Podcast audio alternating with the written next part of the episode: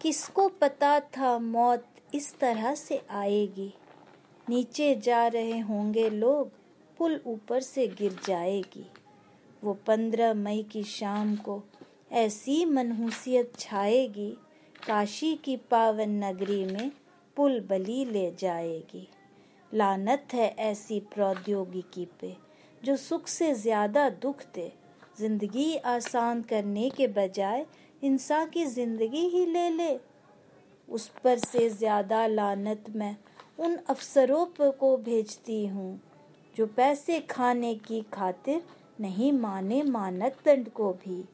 उन्हें सजा तो तब मिलेगी, अगर उन्हें भी पता चले पुल के नीचे मरने वाला अपना कोई परिजन निकले, अपना कोई परिजन निकले। धन्यवाद।